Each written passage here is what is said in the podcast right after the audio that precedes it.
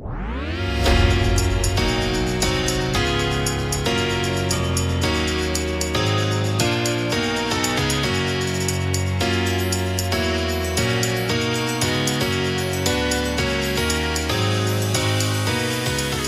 säger vi eh, god middag, god middag och välkommen till Bladets handbollspodd. Det är nämligen middag, eller säger man lunch, eh, Robin? Eh, lunch säger man väl nu för tiden? När, eh, I det Bjärnum jag kom ifrån så sa vi alltid middag om mitt på dagen. Aldrig hört.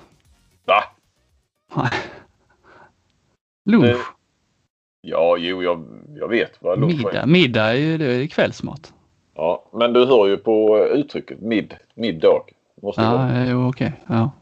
Nej, jag kommer ihåg, man, eh, jag kommer ihåg sen, alltså skolan hette det väl lunch ju. Men sen när man började jobba där på lagret i Bjärnum så då höll man middag. Mhm. Eh, Och vi åt nog alltid kvällsmat hemma. Ja. Lagret i Bjärnum. Ja. Eh, fan, handbollspodden den, eh, den eh, utbildar och tar oss till ställen jag aldrig trodde jag skulle hamna. Ett lager i Bjärnum. ja, många somrar där. Men det är inte där vi ska fastna i, på ett lag i Bjärnum utan vi har ju en eh, handbollsboll framför oss och eh, jag skulle som vanligt bara, jag är ju lite, lite fast i det där att vi måste placera oss i tiden när vi spelar in. För det kan ju vara lite vimsigt sen när man lyssnar och eh, det är trots allt, nu spelas det ju lite matcher här ikväll. Det känns som det inte spelas knappt några matcher. Eh, I alla fall inte inhemska. Det har varit lite landskamper här nu. Men det är alltså torsdag lunch om vi nu ska eh, så att alla hänger med. Eh, och därför så har vi ingenting med om eh, kvällens eh, semifinaler i SOE. Men eh, där det står 1-1. De har inte kommit lika långt då som, som herrarna för det blev ju snabbt avspisat. Mm. Eh, med 3-0 i, i båda semifinalerna. Du är ju mer allmän bevakare. Jag bevakar ju mer ett lag i det här slutspelet och då åker de ut med 0-3 matcher i semifinal. Det är ju liksom eh, det är ju lite tråkigt. Eh, Det var länge sedan man bevakade en SM-final nu. Ja, Är Kristianstads era över? Vad, vad säger du, du som ser på det utifrån? mm, det är den ju. Om man inte har varit i, ja, nu var det ju inget slutspel senast, men de har inte varit i final på tre år då. Mm. Eh, så, så det är den ju och eh, ja, men sett lite till eh, hur, hur andra klubbar har eh, värvat och, och eh, vilken hylla som man säger ofta i fotbollsvärlden i alla fall. Kristianstad värvar ifrån numera och eh, hur, hur är det ställt med ekonomin egentligen? Alltså jag menar de har ju byggt ekonomin på, på eh, eh, publik, publiken såklart med, med fullsatt Kristianstad Arena. Det känns som de här klubbarna som eh, nu under pandemin eh, Flera elit, eh, elitklubbar bygger ju mycket på, på stora eh, cuper, ungdomsturneringar och eh, min känsla är att där har ju de fått igen mycket av pengarna från, via stöd från RF så att de verkar inte lida så mycket. Nej, det ska bli intressant att se faktiskt klubbarnas, jag håller på att titta lite på det med klubbarnas ekonomi och eh, nästa, de, har ju, de flesta har ju årsmöte här nu under våren och sommaren och jämföra det med liksom för i fjol, om man tittar på siffrorna från i fjol så var det ju rätt så en stor andel som var rätt så välmående ändå liksom. Eh, ska, man ska bli kul att se eller kul, spännande att se liksom vad de faktiska siffrorna blir sen när de har haft sina årsmöten klubbarna. Om det liksom är så, för det har ju liksom ropats på vargen många gånger här under pandemin att eh, klubbar riskerar att gå i konkurs och man tappar spelare. Eh, än så länge är det ju, det känns inte som att det har varit riktigt nära att någon klubb ska försvinna i alla fall, i alla fall på liksom elitnivå. Men eh, eh, om det liksom är så illa som man säger eller om man, eh, om man liksom spetsar dem, sina egna rubriker lite. Men eh, ja, det är klart, det drabbar ju alltid publik för de har inte fått tillbaka samma, riktigt samma eh, summa, alltså så mycket som man har tappat på publikintäkter. Man får ju inte tillbaka någon större andel av de pengarna så att det är klart att eh, det kommer ju märkas. Sen eh, hur mycket, det, jag vet inte om det är olika eller om det är Kristianstad liksom får lida mer för att de har mest publik och så. Det, det, det får man följa, årsmötesprotokollen. Ja, men jag tror att RF-stödet har haft jäkligt stor betydelse för, för klubbarna. Det, Oh ja, med liksom permitteringar och allt eh, så här också. Så att det finns ju flera olika. Det verkar, olika stöd. Ja, det verkar inte vara så farligt som man befarade. Och det förstår jag att man befarade men, men att eh, det har, de har fått rätt mycket stöd här. Så. Och det är ju bra ju. Men vad säger du då? Är inte Kristianstads era över då? Jo, jo. Jag menar det... inte att de aldrig kan komma tillbaka men eran är ju definitivt över. Eh, det är bara att titta i resultaten. Ja. Ja, jo och sen liksom eh, man tittar på laget inför säsongen så tyckte man ju, liksom jag hade dem som given eh, etta i grundserien och man tyckte att på pappret har de ju ändå det bästa laget. Eh, nu i efterhand så på pappret borde de ju ha det men leveransen har inte riktigt varit eh, där den eh, borde ha varit. Och Ja, alltså det som du säger där, med tittar man på nästa säsong med eh, jämför med andra värvningar som, som topplagen har gjort så det är liksom inte den vägen tillbaka till en SM-final. Det är inte så att den är spikrak direkt, att, man, att de är ett givet finallag nu för tiden. Inte nästa år i alla fall. Det tror jag inte. Jag såg en, eh, jag har inte hunnit läsa den, var det igår? Det så fladdrar förbi någon rubrik Marcus Olsson inför utvärderingen. Vad, kan du berätta någonting där? Vad, vad stod i den? Ja, nej, de, eh, utvärderingen har de inte gjort än. Det ska nej. de göra nej, nej. Men, Men jag... ja, nej, han var väl inne på äh, om man tittar från jul och framåt, alltså under våren så tyckte han att äh, allting, ja han tyckte det hade varit bra. Att det fanns liksom inte mycket att gnälla på där. Eh, så att eh, han var väl, var väl liksom positiv och tyckte att eh, med det här laget ska vi är det rimligt att ha SM-guld som en målsättning nästa säsong. Sen har man ju förstått, ja, det har vi ju sagt och man har ju hört eh, framförallt Adam Nyfjäll är ju rätt så bra att snacka med där, tydlig. Mm. Eh, när han beskrev nu efter när de åkte ut med i Skövde där uppe, när han liksom verkligen beskrev hur det hade varit de här åren. Han hade haft fem olika tränarkonstellationer på, under sina år i klubben. Eh, då med Ola och så kom med Vranjes och så strök de allt, hela spelidén, allt de hade gjort innan skulle de eh, stryka och göra på ett annat sätt. Tvärtom eller på ett helt annat sätt. Och sen gick inte det bra, sen kom Uffe och så skulle man då liksom göra i stort sett tvärtom vad Vranjes hade gjort och gå tillbaka till det Ola hade gjort. Så det har ju varit eh, rätt stora skiftningar i eh, tankesätt och spelidéer om man hör då eh, Signell, kommer jag ihåg när han kom till Skövde. Han skulle ju liksom ta över efter Ville som hade gjort succé där.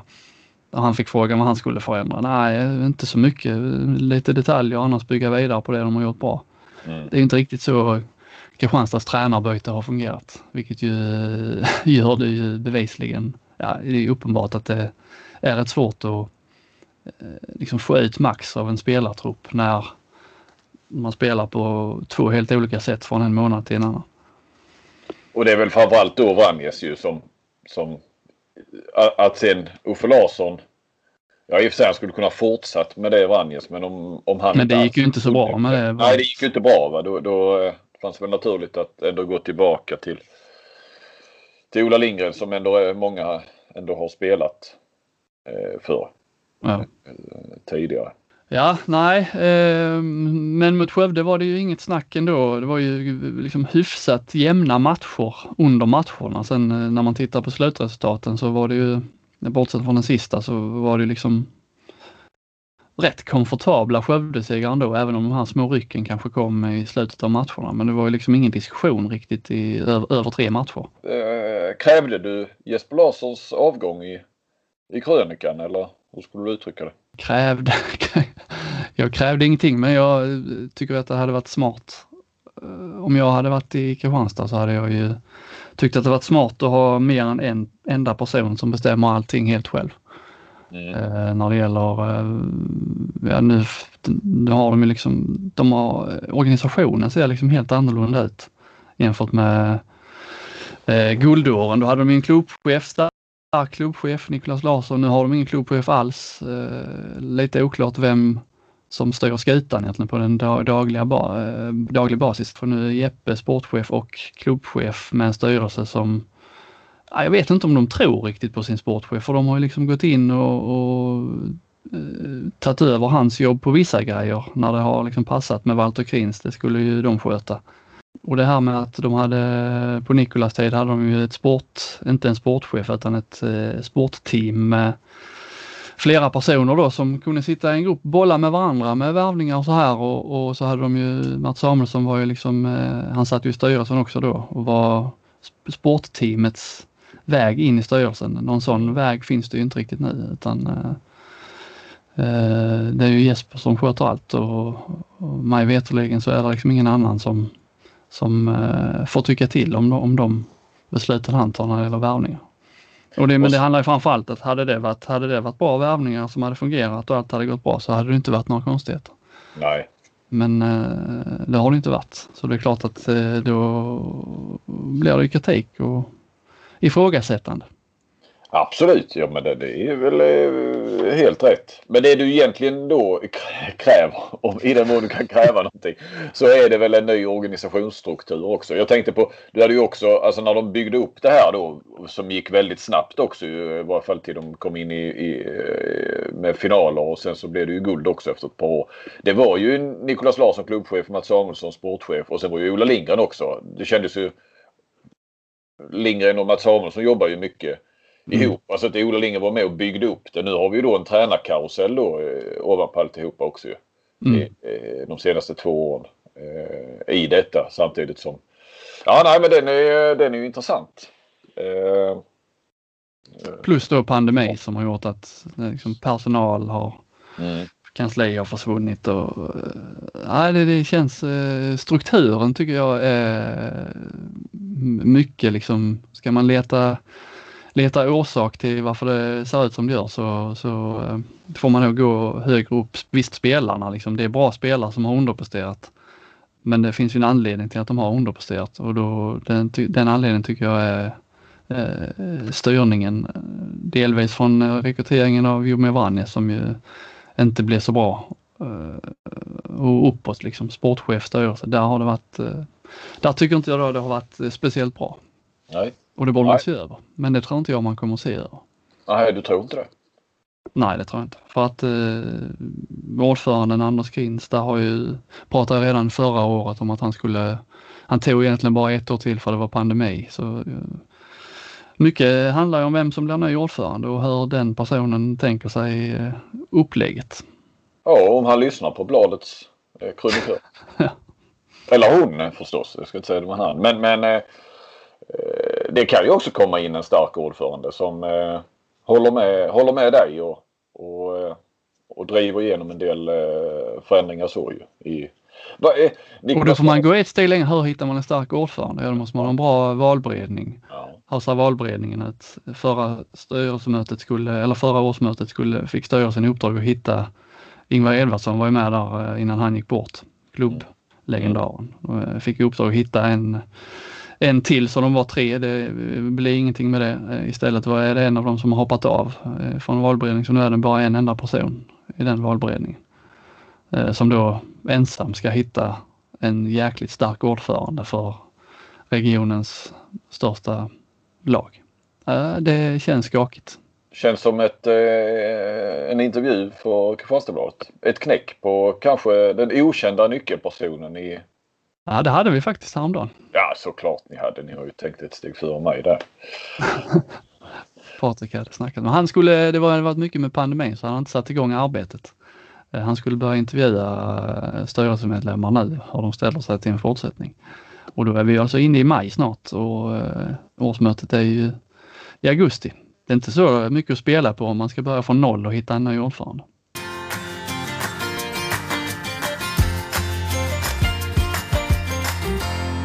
Vi har ju, eh, vi, vi lär ju återkomma till eh, Skövde då eh, såklart. Ska vi säga någonting om, om Sävehof-Lugi så var ju den, den var ju ännu mer ojämn. Mm. Rakt av. I, match för match i princip. det går inte att säga någonting annat att Sävehof var överlägset Lugi.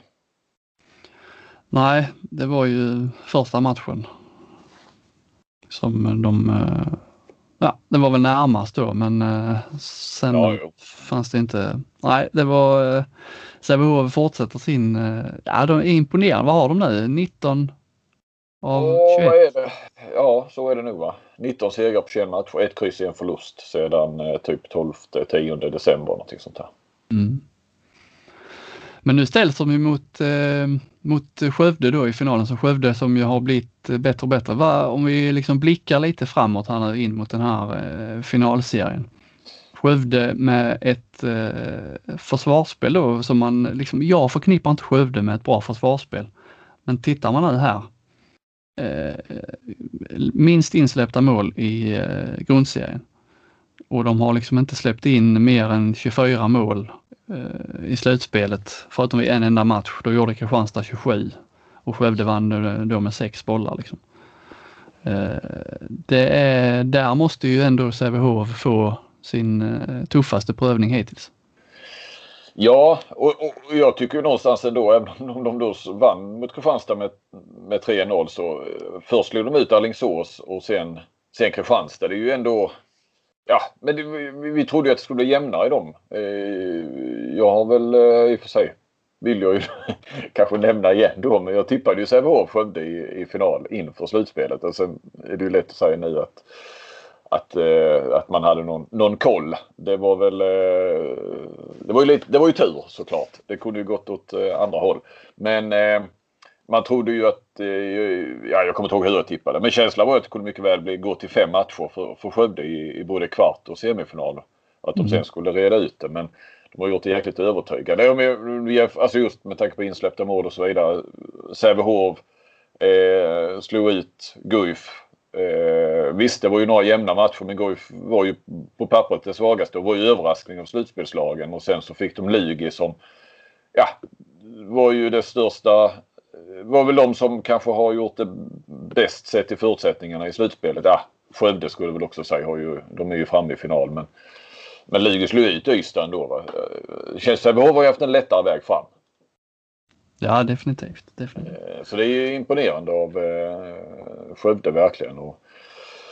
Men sen är det ju lite så nu, eh, Kristianstad, det tog lite tid innan de eh, prövade någonting där mot, mot Skövde men fick ju eh, rätt fin utdelning på sitt eh, lite offensiva försvarsspel där med, med 5-1 på mot, mot högernio-sidan där. Sävehof kan ju det där med offensiva försvarsspel redan så att eh, det är väl liksom, de hade ju säkert tänkt tanken och, och, och köra det ändå men man såg ju verkligen där att det finns ju eh, det finns ju en svaghet där hos Skövde när man mm. möter den eh, typen av försvarsspel. Så det lär väl Signell eh, pumpa järnet på den här, de här två veckorna som han har på sig innan det börjar. Ja, men kanske vi får det här då som man hoppas att man ska få se ett slutspel när det blir eh, ett lag vinner 1-0 och så kommer det bli en annan typ av matchbild i match två och så blir det 1-1 och så blir det liksom eh, den känslan att det... Mm. Drag och motdrag och lite så. Ja precis. Att det inte bara blir samma malande liksom i, i, i, tre raka matcher som det har blivit i båda semifinalserierna. Nej. Eh, hur tror du att det går då? Ja men Sävehof är ju min eh, rätt solklara favorit faktiskt. De är ju liksom Skövde, ja precis 70-30 skulle jag säga. De är ju Skövde fast lite bättre. Alltså den, de är, det är liksom två riktiga, alltså med en grundstabilitet som ju eh, har tagit dem till final båda lagen. Och eh, Skövde, eller Sävehof i mina ögon har ju då lite lite kan man säga att de har en bredare spets eller är det motsägelsefullt? Ja. Nej, nej, nej, det är klockrent. Eh, att det är liksom lite fler på en högre nivå. Ja, de, de har ju, känns det som, bet, lite bättre andra, andra gubbar. Eh, mm. Kanske, alltså Skövde stark första uppställning men eh, visst sen gick han in, var nu Söderman här istället för och du har ju Ljungqvist också men, men eh, ja, det känns som, som Skövde har, eller Sävehof har, har ja och, och kanske också sett över hela eh, Ja men bara, ja nej, ja, ja usch, jag, jag, tänkte, jag, jag tänkte att de hade bättre rakt, alltså så, eh, första uppställningen också position för position. Men, men eh, där är ju där är ju Skövde också starka och vi ska ju inte glömma att de slog ut, eh, alltså nu i sista semifinalen saknades väl både Rex Blom och, och som ändå är ju en försvarsgeneral om du, vi ska svänga oss med det. Eller vem nu av dem som är general där. Om det är Beck Hansen eller han. Eh, och eh, utan Helt Jepsen också ju. I ett par matcher. Jepsen är ju, ja de båda är ju tillbaka till, eh, till finalen. Eh, Blom var ju bara avstängd. Så att, eh. Inför den sista semifinalen gjorde jag två artiklar. En Skövdevinkel och en Kristianstadvinkel. Skövdevinkeln var att eh, Helt Jepsen var redo för spel. Kristianstadvinkeln var att eh, Olof Gudmundsson eh, var tveksam och kanske skulle missa matchen. Det gick ju bra. Ja, det var två fel och två möjliga. Ja. Um, men jag kämpar på Flink. Jag kommer ja. igen. Nej, men jag kom in när jag, ja, det var, när jag vägde lagen där och så tänkte jag målvaktssidan. Men Sävehof har ju två bra målvakter. Men det har ju faktiskt Skövde också. Mm. Eller faktiskt, men, men det, det... Skövde har väl nästan två bättre målvakter. Om det är någonstans Skövde tycker jag där det väger ja. över lite så är det ju målvaktssidan. Ja, jag håller med dig. Även om nu Möller och, och Obling har ju i slutspelet visat eh, jäkligt fin form. Eh, och nästan överträffat de andra. Ja, jo. ja, det, det, det, har du rätt i. Men samtidigt, ja, vad, om man tittar liksom, Sävehof har ju varit eh, väldigt mycket bättre än sina motståndare. Mm. Ja. Då blir det liksom lättare att vara målvakt med på något sätt. Ja. Det är liksom inga mål, de har liksom inte räddat Sävehof utan har, de hade vunnit ändå. Mm. Eh, nej, så att eh, nej, två tränare som ska lyftas eh, såklart ju. Som eh, gör sina första säsonger i handbollsligan som eh, huvudtränare. Eh, därmed sagt är de ju inte orutinerade precis ju, men eh, de har ju nått ja, stora framgångar ju, får man ju lov att säga på med Signell med, med, på damsidan. Först med Sävehof och sen med, med landslaget. Eh, det var ju ändå en semifinal i VM för några år sedan. Och sen mm. har vi ju äh, Apelgren och det vet vi ju. Så att, men det är ändå rätt så, ja, ja de är färska i det här sammanhanget får man ju lov att säga. Mm. Ja. Vad tippar vi då? Ja, jag Match. tippar ju 3-1 eh, i matcher till Sävehof. Mm. Ja, jag skulle också vilja göra det. Och får jag inte det så får jag väl... Eh, kan man gå mot vad man hoppas. 3-2. Eh, ändå. Men, mm. men eh, nej. Sävehof är ju, är ju klara favoriter. Det är ju när de fått in nu också i slutspelet här ordentligt och inte minst semifinalen eh, Salihi på, på högernio så, så blir det ett annat hot där också. Han har ju faktiskt gått in och varit jäkligt bra i flera, ett par av semifinalerna i varje fall. Mm. Så där har de ju också ett, ett bra hot. Där är ju högernio. Eller där är ju Skövde väl, välbesatta får man ju lov att säga med Torin och Svensson. Ja. Gött också att det är lite tätare, inte bara de här matcherna en gång i veckan utan att det, nu är det tisdag, lördag, tisdag, fredag, måndag. Att det liksom inte går för många dagar där. Lite som SHL-slutspelet, där kan de spela två matcher på två dagar. Det, det hade kunnat tryckas ihop ännu mer tycker jag. Fråga herrlandslaget som spelar tre matcher på fem dagar i tre Ja, men du ser, det, det går ju. Ja, det går ju. Eh, nej, men var tredje dag hade väl varit eh, det bästa eh, och roligaste. Ja, ska vi ta det vidare? Nu hände något med din mick. Ja, nu tappade jag. Nu trillar den ur här. Jag måste sitta och hålla då. Ja.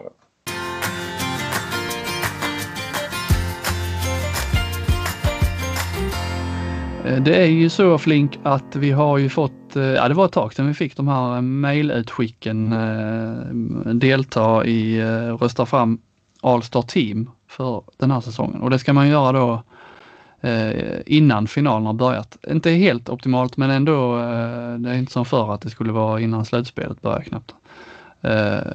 och det har vi gjort, båda två skickat in på här sidan. De, SOE har jag inte skickat in än, avvaktar semifinalerna. Men här sidan är, är färdig och inskickad och det vet jag att du också har skickat in. Jajamän. Och då har vi redovisningsplikt. Öppna kort spelar vi med som mm. Christer Mårtensson sa. Eh, Alingsås klubbchef. Ja, eh, han eh, de jagar, jagar eller jagade de? Jag läste inte färdigt artikeln med IFK. Den var 2000 tecken lång bara och du orkar inte läsa färdigt den. Nej, jag läste nog bara i, i ingressen eller så. Ja. Du tillhör den eh, nya generationen som de liksom man orkar liksom inte koncentrera sig längre än 30 sekunder. Nej, men jag vet ju också att uh, har, vi något, har vi en bra punkt här på, i podden också så får du berätta lite. Ja, nej, de jagade i alla fall den till nästa säsong. Det är väl de fick väl inget gehör. Det är väl nästintill klart att, att Soran Bosic och Isak Larsson, ja Soran Bosic har ju kontrakt, Isak ska ju få kontrakt med A-laget så att allting talar för att de stannar. Men det var ju, de låg på där rätt hårt Alingsås. För, för, inte för att värva båda men en av dem. Ja, man gillar ju öppna kort. Mm. Och vi har ju eh, röstat fram då alltså Tim. Vi ska väl bara, ska vi gå igenom dem lite snabbt och lätt position för position vad vi har valt och så får vi se vad vi inte är överens. Ja, men vi kan ju slänga in en liten cliffhanger är att efter All Team här nu så ska vi köra de bästa spelarna i slutspelet totalt sett. Men det tar vi sen. Nu kör vi mm. Eh, All Star Team position för position och vi börjar bakifrån. Vem har du i mål? Ja, det var inte helt enkelt målvaktssida men jag tog ut eh, Håvard Åsheim i Skövde. Det gjorde jag med. Du gjorde det? Jag tänkte ändå att vi skulle kunna vara på olika. Eh, men eh, för han har ju liksom inte, tittar man nu mot Kristianstad har han inte stått jättemycket. Nu kom han in och gjorde det eh, bra bra senast. Men han har ju liksom en stabil hög räddningsprocent, var suverän i, i delar av kvartsfinalserien mot Alingsås. Så det är väl där jag har landat. Mm. Eh, ja, där, visst, viss, viss konkurrens sådär men så som Anton Hellberg som var, jä, var ju jäkligt bra i Malmö innan han eh, blev skadad. Han har väl nästan varit borta halva säsongen nu om man räknar in slutspelet och så ju. Så att eh, han var ju på väg eh, kanske. Han hade liksom den platsen lite grann efter halva säsongen skulle jag vilja säga. Men eh, mm. svårt att tävla när man inte är med. Ja, precis. Ska vi ta eh, de båda kanterna då? Vänster 6, höger 6? Ja, har det varit lättare? Det kanske vi har sagt förr också, men eh, väldigt självklart för mig. Eh, Henrik Tillstedt, dansken i Sävehof på vänster 6 och förstås Isak Persson, höger 6, Lugi. Mm. Det är inga konstigheter för mig heller.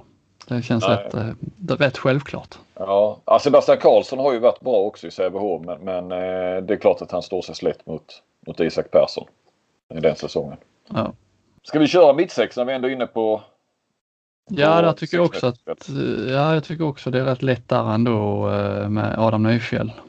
Ja. Trots allt. Man går ju på anfallsspel, det gör man ju. Så att det är ju Eh, där tycker jag han är helt given. Ja, man ska ju faktiskt plocka ut en försvarsspelare också. Eh, ja. Det ska vi inte glömma. Men, men eh, eh, visst, man går ju gärna på, på anfallsspel rakt av i, i de här uttagningarna på, på övriga positioner. Mm. Eh, 9 meter, vänster 9 har jag Erik Johansson, Guif. Ja, det har jag också. Mm. Självklar också. Eh, ja. Mitt, mitt är också självklar eh, med Jonathan Edvardsson, Sävehof. Ja, eh, samma här.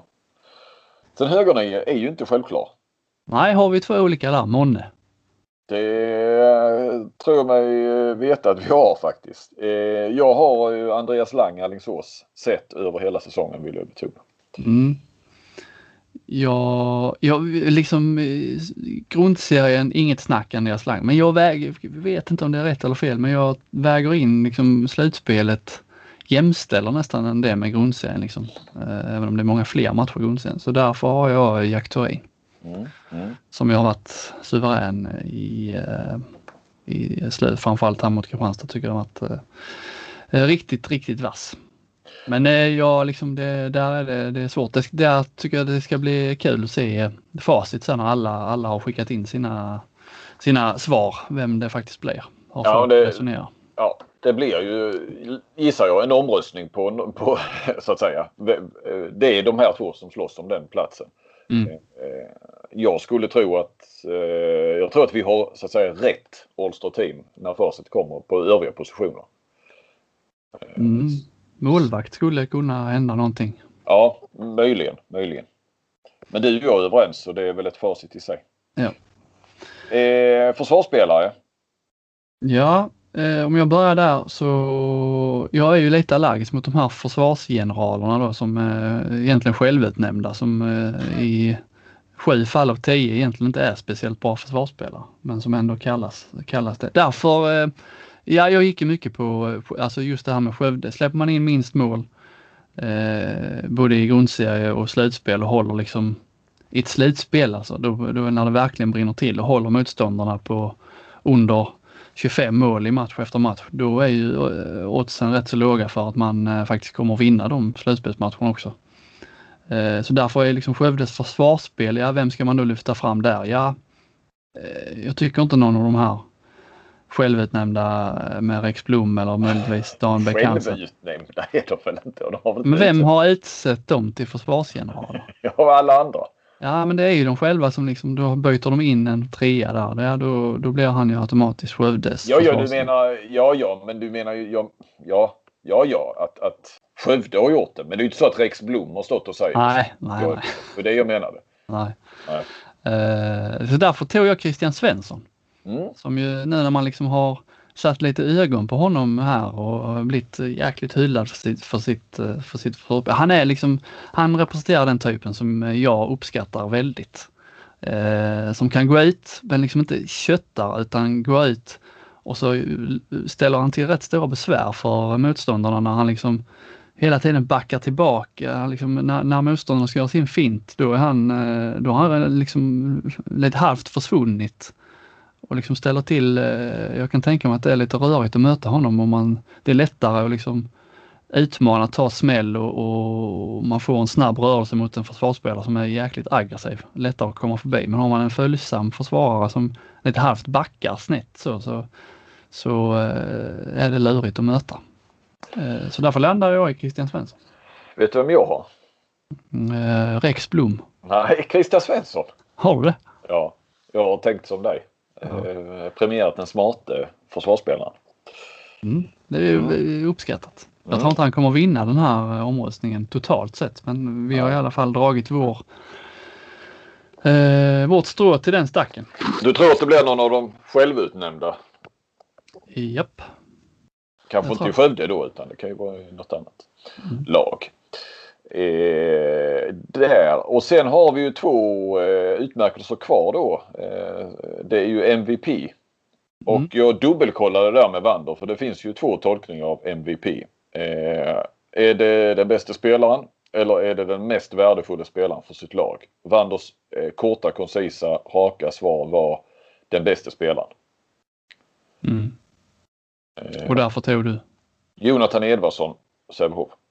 Mm. Ja, det är klart att det är svårt att diskutera det, men jag satte ändå Erik Johansson.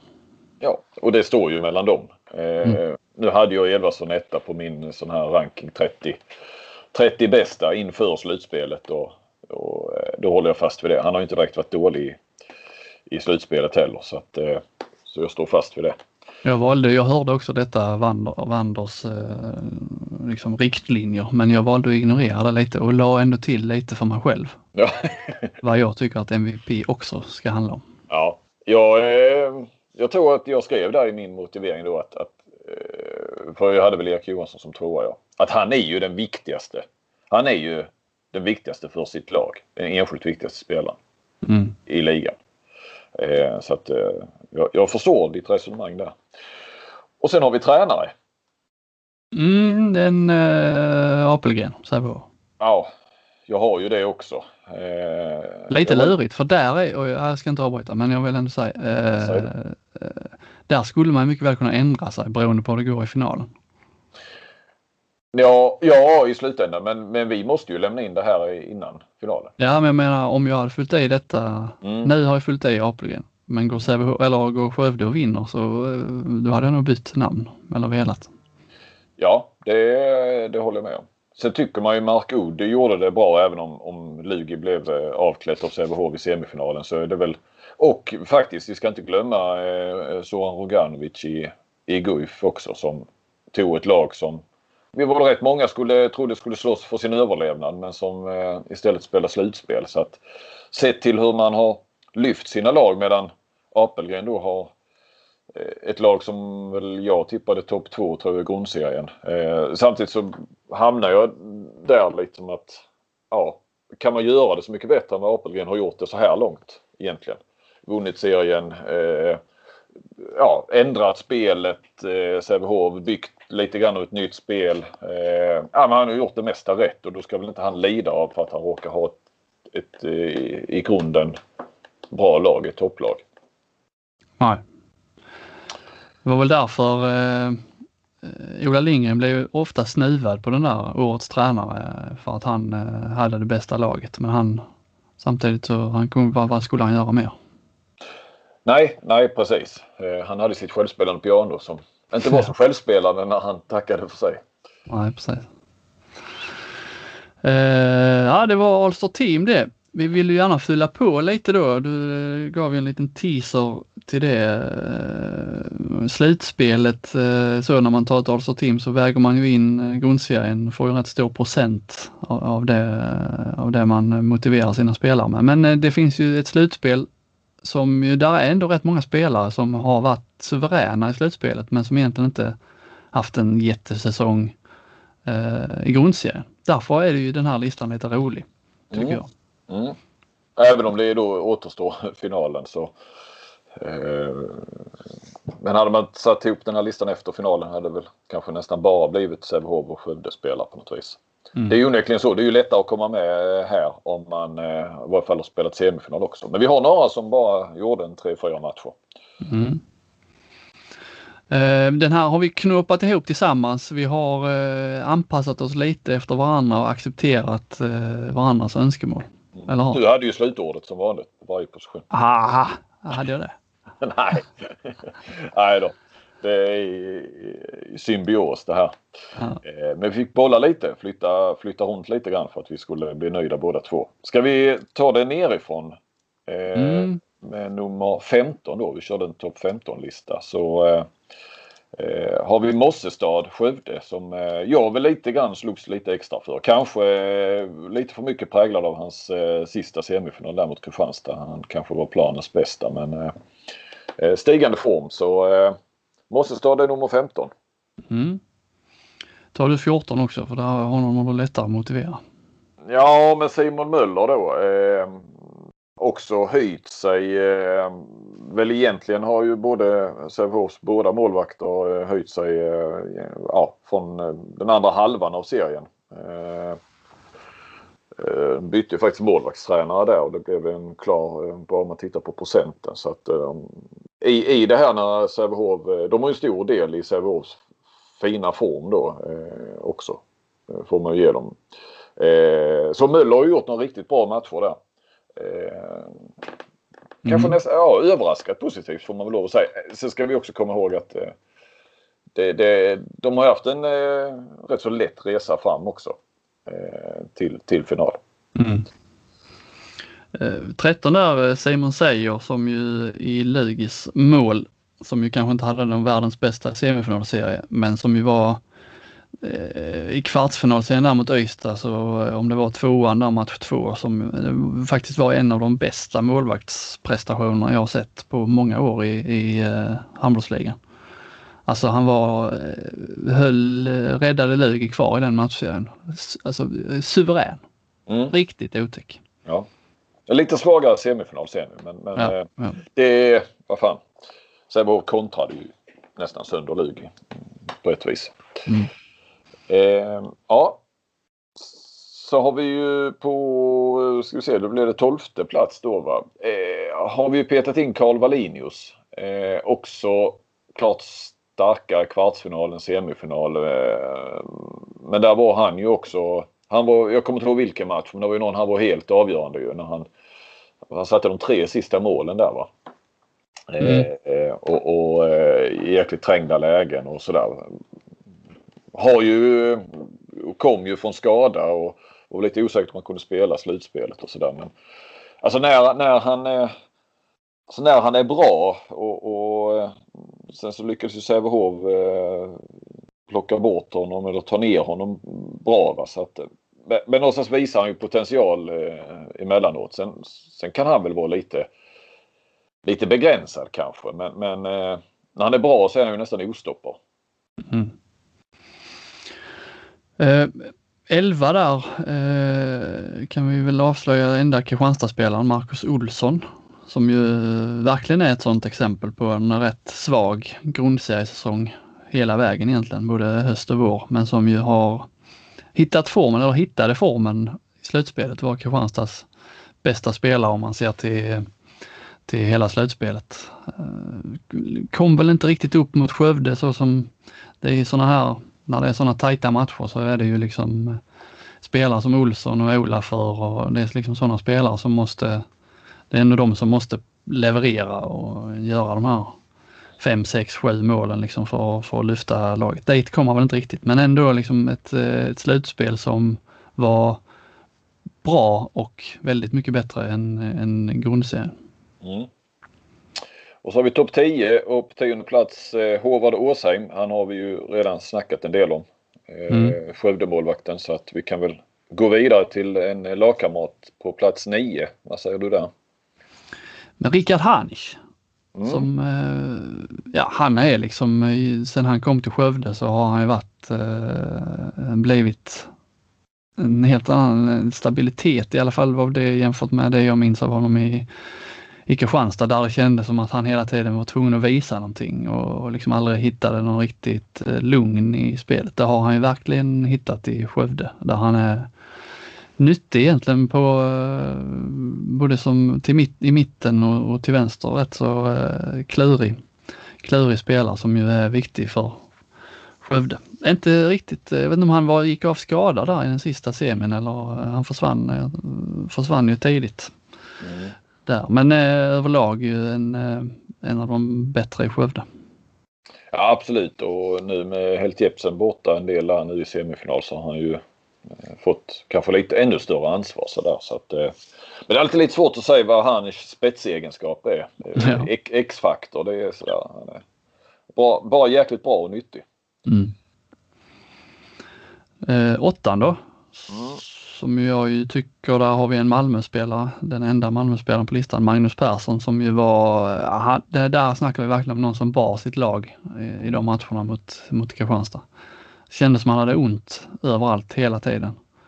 Eh, men ändå liksom fick in alla bollarna, gjorde väl eh, eh, liksom kände man 8-9 mål i varje match. Han var verkligen suverän. Hade man gått bara på de matcherna så hade han ju varit kanske en kille i mitt All-star team. Ja. Han var riktigt vass. Ja. Och hade han då fortsatt också gjort en och fått göra en bra semifinal och varit med där, han har ju säkert varit högre upp på den här listan. Mm. Eh, resten kan vi ju säga är ju semifinalspelare. Mm. Eh, vi har ju då, ska vi se, får jag räkna här innan till för vi har inte siffror framför våra, våra namn, inte jag i varje fall. Sjuan. Sjuan. Eh, Sebastian Karlsson, Sävehof. Eh, veteran, Eh, kulturbärare i Sävehof som jag vet har varit väldigt viktig i Apelgrens liksom, eh, nybygge här. Eh, just som ja, kulturbärare är väl ett bra ord som jag nu har sagt två gånger då. Men öser ju in mål där från eh, framförallt på kontring. Eh, för Sävehof som kontrar mycket och, och, ja, härlig fart och så. Det, han ska vara högt upp. Har gjort en, ett, en fin säsong. Eh, eh, ett riktigt bra slutspel. Eh, sexan då. Du, eh, där har vi en eh, om du sa Sebastian Karlsson veteran så är ju det här någonting eh, ännu starkare än så i, i Skövde med Rasmus Vremer. Som har gjort ett, eh, också en sån liksom spelare lite som Marcus Olsson där som ju har gjort ett suveränt slutspel om man jämför med, tittar man på grundserien där hade han äh, 66 procent. Är väl okej okay, liksom för kantspelare, inget, inget märkligt. Nu är han liksom uppe i 80 Ja, han var väl uppe i 90 efter kvartsfinalen tror jag nästan. Ja, till och med så ja. Eh, suverän, lite där med man tar ner honom eller man skulle liksom, kanske något hack där den straffmissen där mot Kristianstad i slutet. Han tappar mm. bollen så han den, den, den, liksom, den hade kunnat kosta. Nu gjorde den inte det så att eh, då klarade han sig. Nej, det var ju där som Kristianstad hade kunnat kanske kunnat vända på det. Nu var det inte vinna eller försvinna på något vis. Men de hade haft två chanser till att vinna eh, om de hade förlorat den. Men, men det kunde blivit ödesdiger, absolut. Det hade, det hade ju kunnat varit en sån ett ögonblick som om Kristianstad skulle vända det som, som eh, ja, hade varit inristat i handbollshistorien nästan. Men mm. eh, Bremer, eh, ja det är rätt härligt med de här också nu eh, som har bestämt sig för att sluta och liksom förlänger sin, alltså verkligen vill, eh, jag menar, ja han vill ju sluta annars hade han inte gjort det. Eh, han har säkert fått vara kvar ju men, men det är klart att nu vill han inte att det ska ta slut och, och liksom för varje match de vinner så, så förlängs ju karriären. Det, mm. det, är rätt härligt att följa det på, på nära håll nästan. Mm. Eh, sen har vi ju ingen veteran på fjärde plats. Då har vi ju Skippa Götu. Det verkar som att det är liksom det efternamn som gäller nu va? Femte plats ja. Ja, på femte plats. Ja. Det är också ännu en sån som har inte varit, eh, hade ju lite skadeproblem i grundserien som har kommit starkt i slutspelet. Mm. Mycket straffmål men också mycket, mycket andra mål, mycket, en hel del läckerheter. Och... Nej, han, oh, herregud, han kommer ju bara bli bättre och bättre ju. Mm. Så, eh, men Sävehof ska väl kunna behålla honom något år till i varje fall vad är han? Han är bara 18 va? Eh, mm. Men det är ju riktigt ro, rolig att, att titta på. Härlig spelare. Mm. Fjärde. Tillstedt. Henrik. Eh, har vi väl sagt. Likaså plats tre med Isak Persson. Eh, de två har ju varit bra hela året egentligen och så även i slutspelet. Det är ju toppen här nu då, då är det ju såklart, det blir ju de namnen. Mm. Eh, och tvåa har vi alltså Jonathan Edvardsson. Precis. Som också fortsatt att vara, vara bra och oerhört viktig och imponerande på alla sätt. Men eh, ettan har ju, eh, är ju en, en spelare som har höjt sig. Verkligen. Eh, eller verkligen. Han var bra i, i grundserien också. Men, men där snackar vi ändå en, lite grann nästan en, en nivå till i slutspelet. Med Jack Thorin tänker du på ja.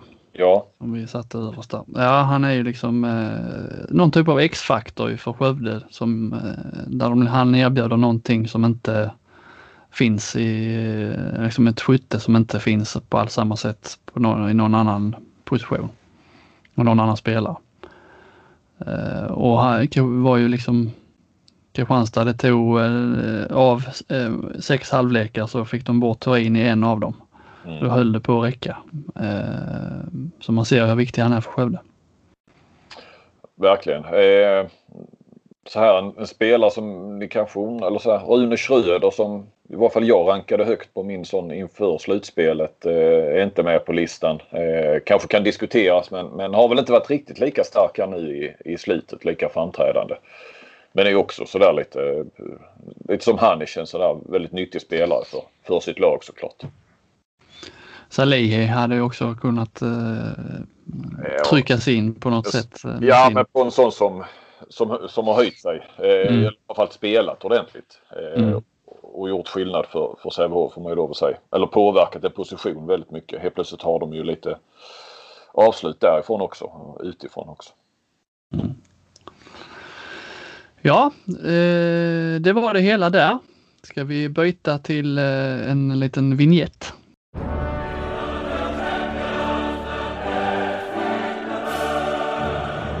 Nej men jag eh, dök över eh, en, en eh, komplicerad process eh, och vi handlar om att utse eh, All Star-lag för damerna i Champions League.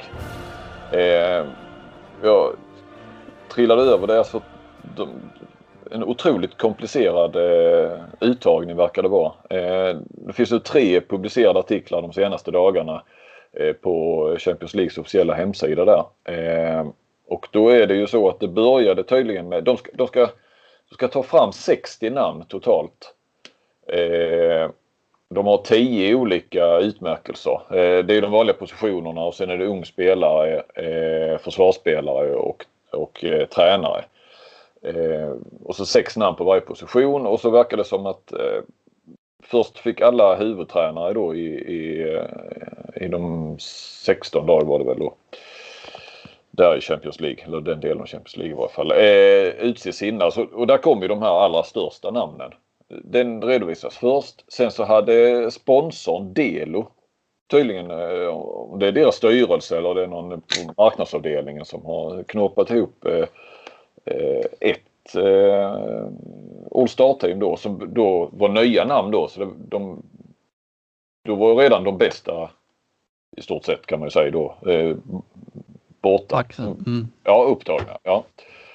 Eh, och sen eh, nu i tredje, den senaste, då var det journalister, utvalda journalister som hade tagit ut. Och det var också nya namn, de fick inte heller. Så nu är 30 av 60 namn då uttagna och sen så ska väl gissa, jag vet inte om det, de kan ha hittat fler eh, eh yrkeskategorier eller vad man ska säga. Som, det kanske är ett gäng eh, kockar eller någonting som eh, fått plocka ut eh, nya namn. Eller så, ja jag vet inte. Men det ska väl komma ut då 60 namn totalt och sen ska då Eh, och det här tog tid. Jag fick läsa alla de här tre artiklarna innan jag eh, stod klart så att ni nu har jag servat er lite här. Det, det var svårare att förstå. Eh, nu kanske det blev hyfsat klart ändå när jag fick dra det. Men vi vet fortfarande inte riktigt hur det... Sen tror jag att det är då omröstning bland handbollsälskarna. Eh, men det känns lite krystat med, med de här olika och blanda in en sponsor som Eh, kan man ju undra liksom hur mycket koll på handboll och, och så just att plocka ut de här. Du får inte plocka ut de bästa på varje position när du ska sätta ihop utan du ska nominera. Och sen i slutändan vet vi ändå att eh, det kanske är fler osäkra platser än vad vi tycker att det är i, i uh, handbollsligan men, men det handlar liksom om, om ett par namn på varje position högst så jag vet inte riktigt varför man ska hålla på med sex olika namn på det här viset. Det, och det är ju inte så, så att man eh, liksom de som, eh, om fansen då ska rösta, att de liksom kan gå in och kolla lite statistik och så eh, Nej. på EOFs hemsida. Alltså du gnäller på handbollsligan. ja. Alltså försök hitta en, det går inte ens att hitta en skytteliga på över i Champions League eller European League. Nej, jag får gå in i Wikipedia brukar jag kolla när jag ska kolla Champions League. det är inte klokt. Det är ett uppslagsverk. Helt obegripligt. Ja. Ja, det är grymt störigt. Ja. Eh, du nämnde Europa League ja. Ja, på den, inte European League om jag får be. Ja, Europa League i fotboll. Nej, Europa League är... Nej, European Cup är ju den här lägsta kuppen om du tänker på handboll. Ja, ja men jag var rädd att, eh, men så dumt kan det inte vara så det heter European League och Europa League. Båda två finns i handboll, nej. Utan European Cup är det. Men det är ja. väldigt, man kör det engelska, European i Precis. Mm. Mm. Uh, det är klart för det är lottat och färdigt. Final Four, rhein löven mot Berlin och Magdeburg mot Wisla Plock. Tysk dominans, fullständig tysk dominans. Riskerar det att bli i, eh, i, eller kan bli i Champions League också. Flensburg eh, ser ser lovande ut.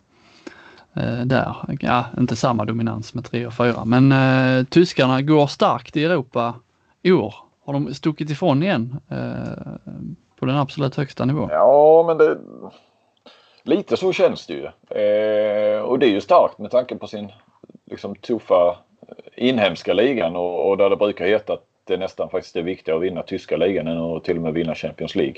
Eh, Berlin, hur många, de har väl alltid varit med i Ja, de har väl nästan haft en eh, sånt här wildcard in i... Ja, i de är arrangörer. Nu är det väl Rhein som är arrangör va? Japp. Eh, men eh, nej men det, ett tag trodde man kanske franska ligan där när, när de eh, först då eh, värvade. Det var mycket spanjorer som eh, när det brakade ihop eh, egentligen ja spansk handbollsekonomi brakade ihop för det får väl kanske gå en tio år tillbaka drygt. Men då började ju eh, de spanska spelarna spridas för vinden. Eh, det var ju mycket till de här storklubbarna i Östeuropa, en hel del i Ungern där va, med Veszprem och, och så. Några har varit i Varda. Men sen var det ju en hel del i den franska ligan och inte bara liksom, topp två där utan rätt många eh, klubbar som, som, eh, och en del tränare, spanska tränare också. Och sen så hade vi ju den där, vad är det nu, tre, tre fyra år sedan med Montpellier Nantes va? Mm. I Champions League där. Och, men nu känns det ju faktiskt eh, PSG har fortfarande inte lyckats vinna, vinna Champions League och, och eh, nej, Tillbaka bara till tyska. Jag tänker att eh, då har det blivit så nu att Alltså inte nu men för ett par år sedan. Alltså har tyskarna tappat någon plats i, i Champions League också? Va? Ja, alltså det har ju ändrats. Ja, det är mer att systemet har ju liksom ändrats lite. De tappar ju, jag är inte helt säker där på hur de har legat rankingmässigt eh, år efter år eller år till år. Jag tror att de tappade sin, sin uh, första plats där. Ja, de, har, de ligger faktiskt bara tvåa nu. Mm. Frankrike är liksom nummer ett. Nu kommer de ju att tappa då. Eh, Frankrike alltså. Eh, efter, efter den här säsongen. Men inför den här säsongen när den här eh, klubb eh, eller nationsrankingen kom så låg Tyskland tvåa. Mm. Och då har de ju, men sen har ju Champions League-systemet gjorts om där lite så att det är ju de har ju en plats, en liksom vinnaren går till Champions League och sen får de ju alltid, sen får de ju en via European, European League för de, de tyska lagen går bäst där och sen får de ju ett wildcard så att där är ju liksom ändå där är ju tre platser till dem. Men vilka tre har varit med Champions League i år då på här sidan?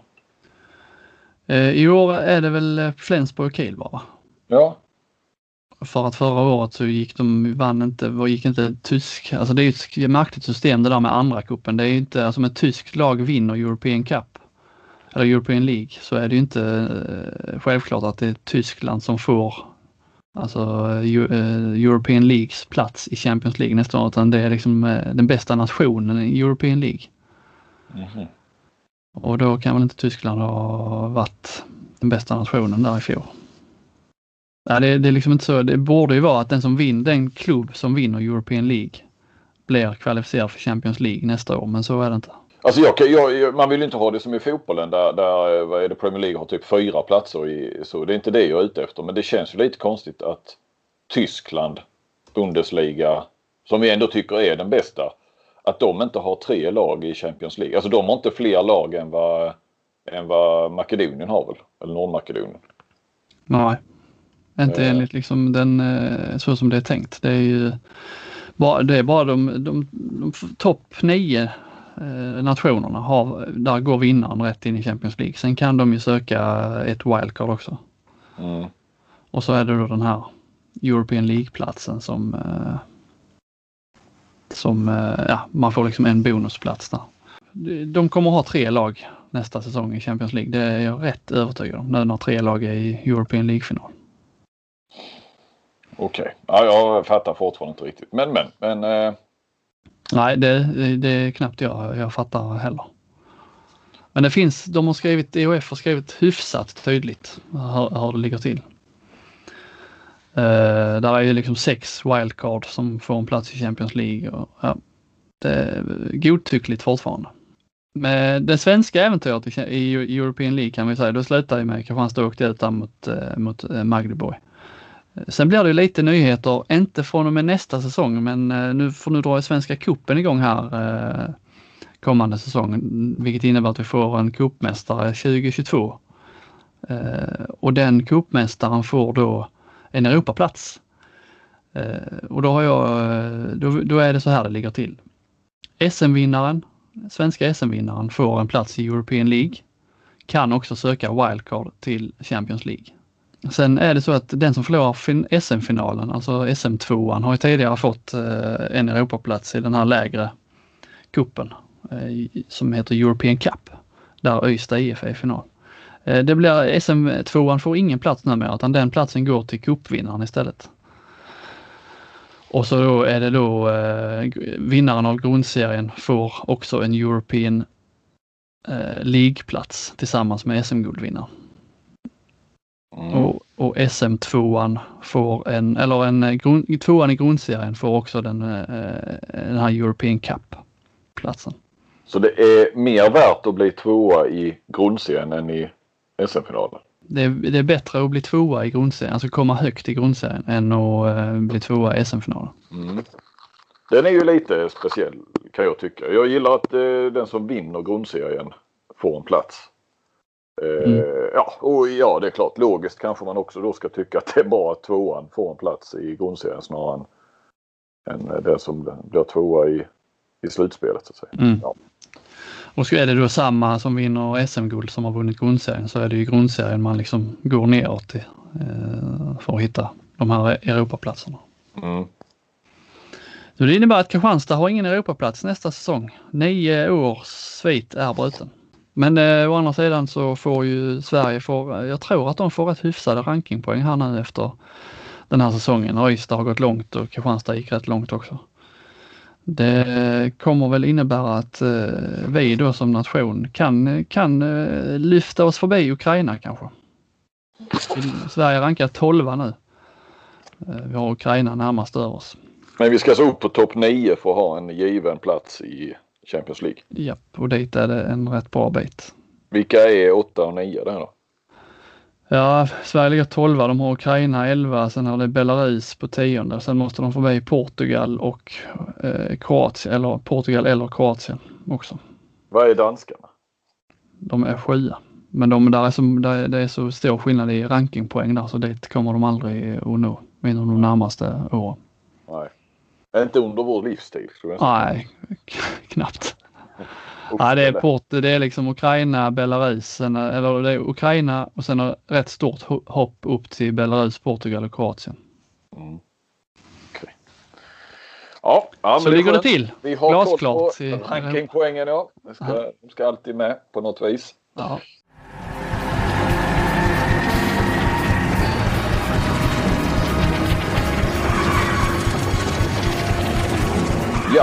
Topp 5-lista över de eh, mest lyckosamma sportcheferna i handbollsligan eh, den här säsongen. Eh, med, med, som sagt finalerna kvar.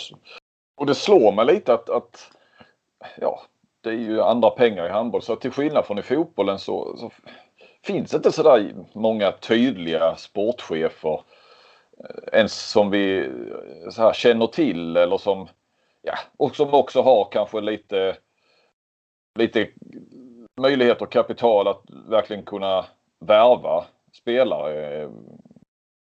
Det känns som de här klubbarna längre ner i, i, i serien än de jag nu då bara har i mitt huvud än så länge. Men, men då är det ju liksom, visst det kan ju vara bra scouting och sådär men det är inte så att det är svårt att se Hallby göra en, en eh, alltså Hallby sportchef eh, bli ett namn som eh, för att eh, ha, ha, gjort bra värvningar eller så. Är du med vad jag menar? Ja precis, jag fattar. Eh, och vissa klubbar har ju inte ens en sportchef eh, om jag har förstått det rätt. Jag har inte järnkoll på alla strukturer så som nu har man ju det på, på IFK Kristianstad efter den här podden. Men, Vi, vi, eh, femma har ju jag har två namn där, lite svårt. Det är ju Christer Mårtensson i Alingsås och sen är det ju Stian Tönnesen som om jag har förstått det ändå är den som... Vi går ju ganska mycket nu här på värvningar och, och så ju eh, mm. på en sån här lista. Eh, Christer Mårtensson har ju eh, ofta gjort ett eh, jäkligt bra jobb eh, med Alingsås. Eh, de har ju en tydlig, tydlig linje där men till den här säsongen var det ju inte så så mycket värvningar eh, på det viset som, som gjorde skillnad. Eh, Tönnesen, eh, alltså det blir ju någonstans man väger in det Malmö, Malmös trupp så att lyckas behålla den får man väl ändå ge en. Det var inte några nyförvärv, de fick tillbaka Beutler ju men eh, Alingsås var det väl framförallt Anton Hagvall eh, som var eh, nyförvärvet då.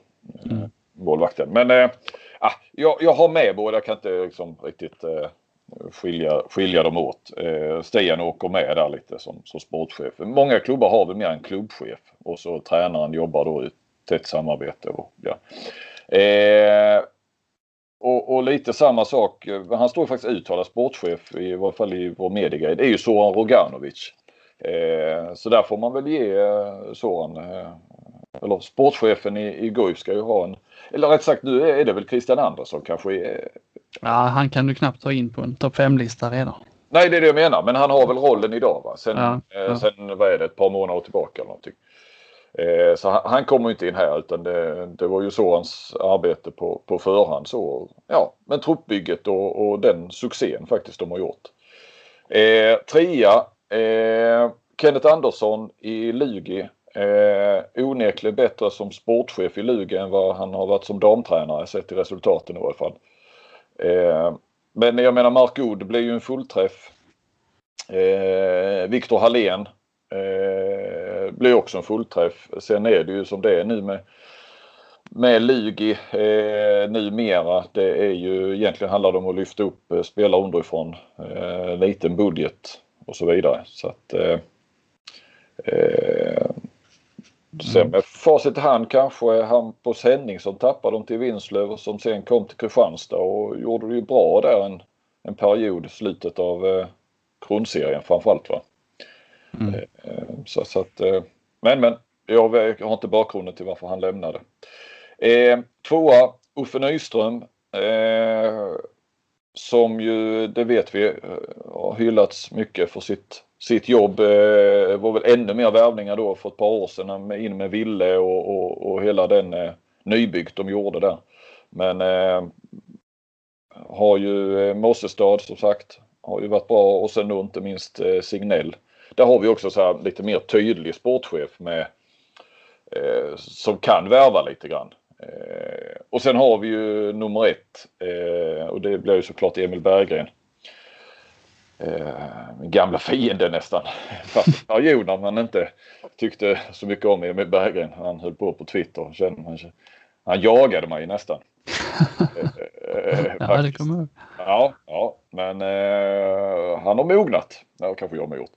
Eh, Hunnit mycket vatten under broarna. Det har det.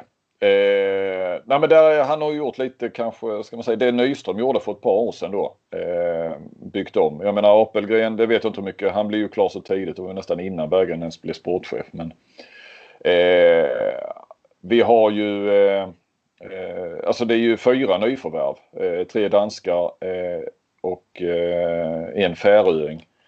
Eh, och det har ju blivit fullträff på alla. Det där har jag skrivit artiklar om i förra veckan. Mm. Eh, men det har verkligen blivit fullträff. Eh, och sen då är det ju de upplyfta eh, spelarna från egna leden. Men även då bytte målvaktstränare där. Det blir ett lyft. Han Rickard Nilsson fystränaren, eller i sig framförallt Apelgren som, som hade honom i Hammarby då. Men eh, han hyllas ju också så att eh, Berggren ska ju ha en stor eloge för, för sättet han har eh, byggt det här det är ju framgångsrikt även på, på damsidan. Så att, eh, ja, eh, verkar ha hittat rätt. Det blev lite sådär man tyckte där i vad var det han tog in han i radion va? Och var det någon ungrare de hade in och det kändes mm. här för, då förra säsongen som var rätt rörig där med, det startade ju med Larholm och den här mellansäsongen i väntan på Apelgren och hela det eh, efter guldet och Berntsson in istället. Och, han fick ju en tuff start som sportchef, det får man ju säga. Ja, ja verkligen. Men det känns lite så här, vad fan ska...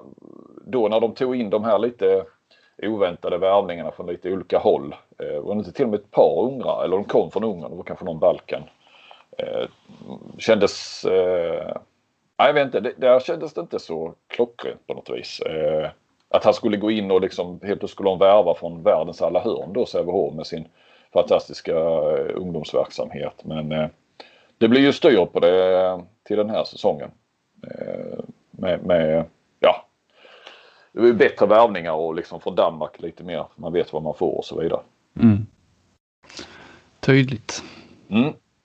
Eh, bra, ska vi avsluta med en, ett medietips? Yeah! Detta är ju ändå podden som podden från pressläktaren eller vad var det vi hade? Detta som... medietips dyker upp eh, var, var tredje podd kan man säga. Ja. Det är när du har hittat något.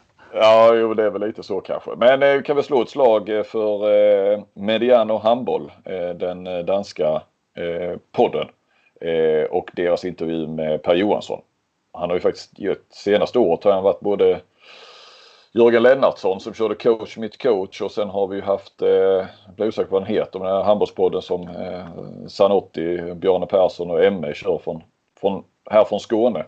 Mm. Har han väl också varit med i så att han har gjort några stycken men eh, här var det eh, danske Thomas Ladegård som, som intervjuade honom. Det, det blir ju lite nu lite mer så eh, det var ju mycket hur det är att jobba i Östeuropa och sådär. Men nu blev det ju lite nyhetstouch på det också. De hade precis åkt ur eh, eh, kvartsfinal i Champions League där. Mm.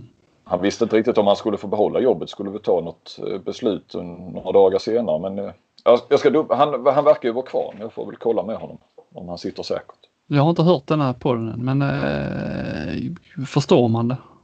Eh, ja, Per Johansson förstår man. Han, ja, han, han pratar svenska.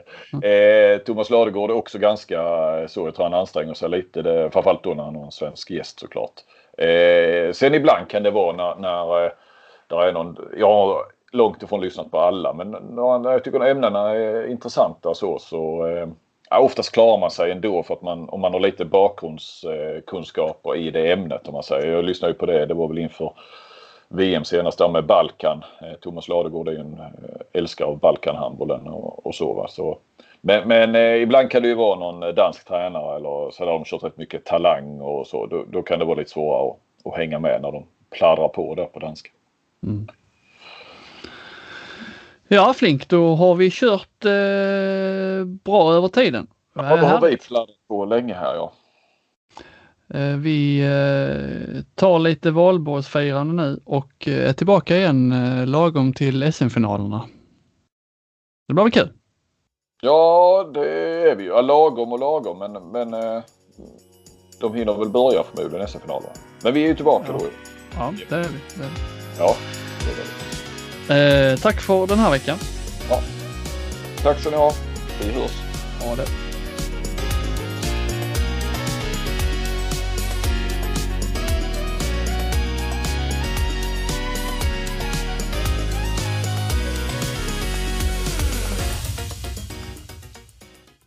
Du har lyssnat på en podcast från Aftonbladet. Ansvarig utgivare är Lena K Samuelsson.